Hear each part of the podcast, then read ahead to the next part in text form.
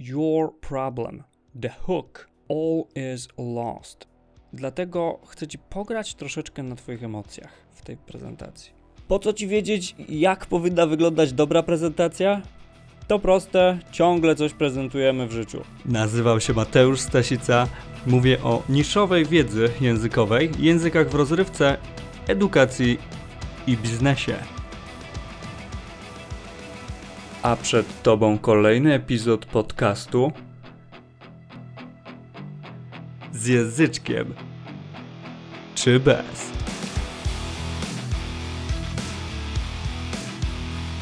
Dobra, dobra, dobra. Zaczynamy. Używamy słów non-stop, żeby coś zaprezentować. Własne myśli, produkt, pomysł, rzecz, wydarzenie. Dlatego ta książka jest warta przeczytania bez względu na to, czym się zajmujesz. Komunikacja zmienia się na przestrzeni czasu. Sposób komunikacji jest odpowiedzią na rozwój społeczeństwa. Nasze społeczeństwo do niedawna żyło w jedynie zabójczym tempie. Aktualnie całe społeczeństwo żyje w zabójczym tempie, a w dodatku jest bombardowane ogromną ilością informacji. Czujemy jeszcze większą prędkość. Velocity, pace, speed. Prędkość. Dobry językowiec to zauważa, ale najlepszy nauczyciel języka jeszcze cię w tym zakresie doedukuje. Dlatego słuchaj dalej. Jak powinna wyglądać dobra prezentacja?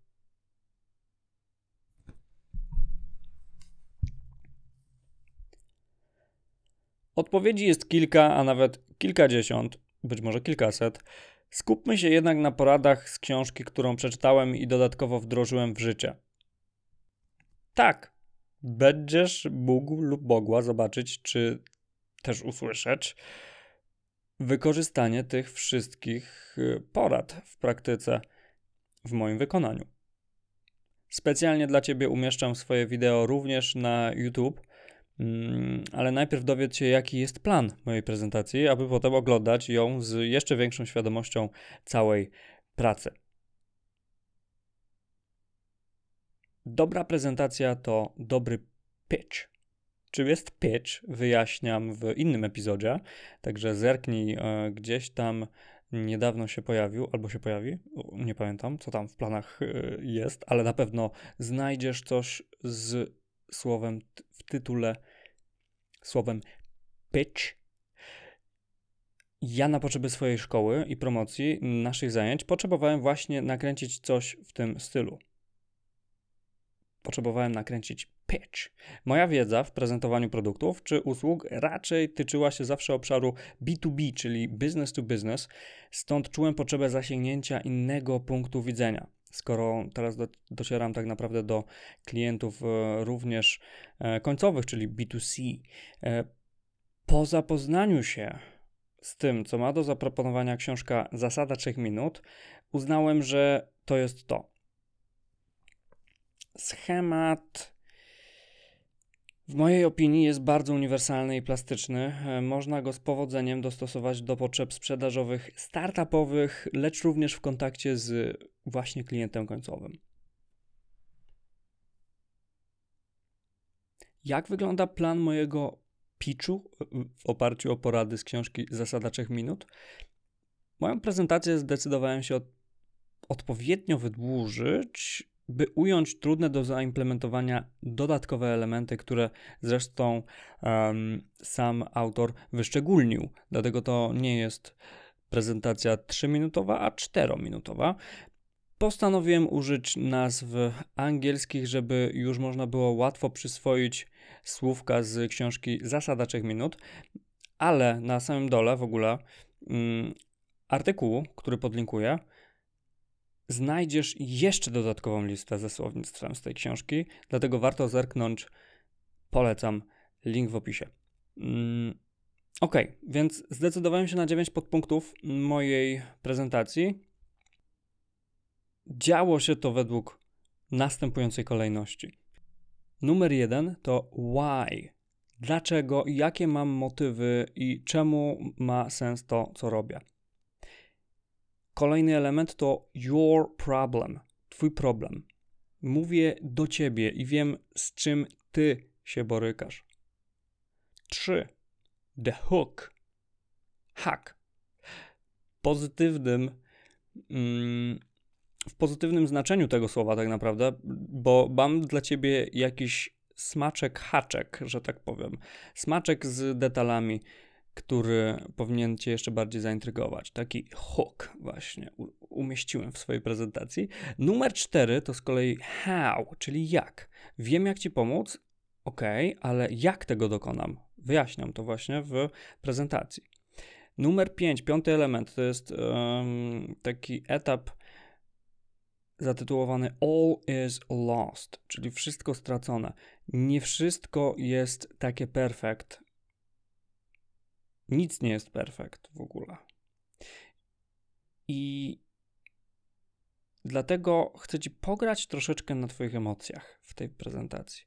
Każda prezentacja powinna mieć takie lekkie zawahanie, pewną delikatną sinusoidę. Roller coaster. Dlatego później przechodzimy do szóstki, assurance. To jest zapewnienie. Jak mogę ci mm, to wszystko dostarczyć? Jak mogę cię zapewnić, że to wszystko naprawdę robi różnicę i że to działa?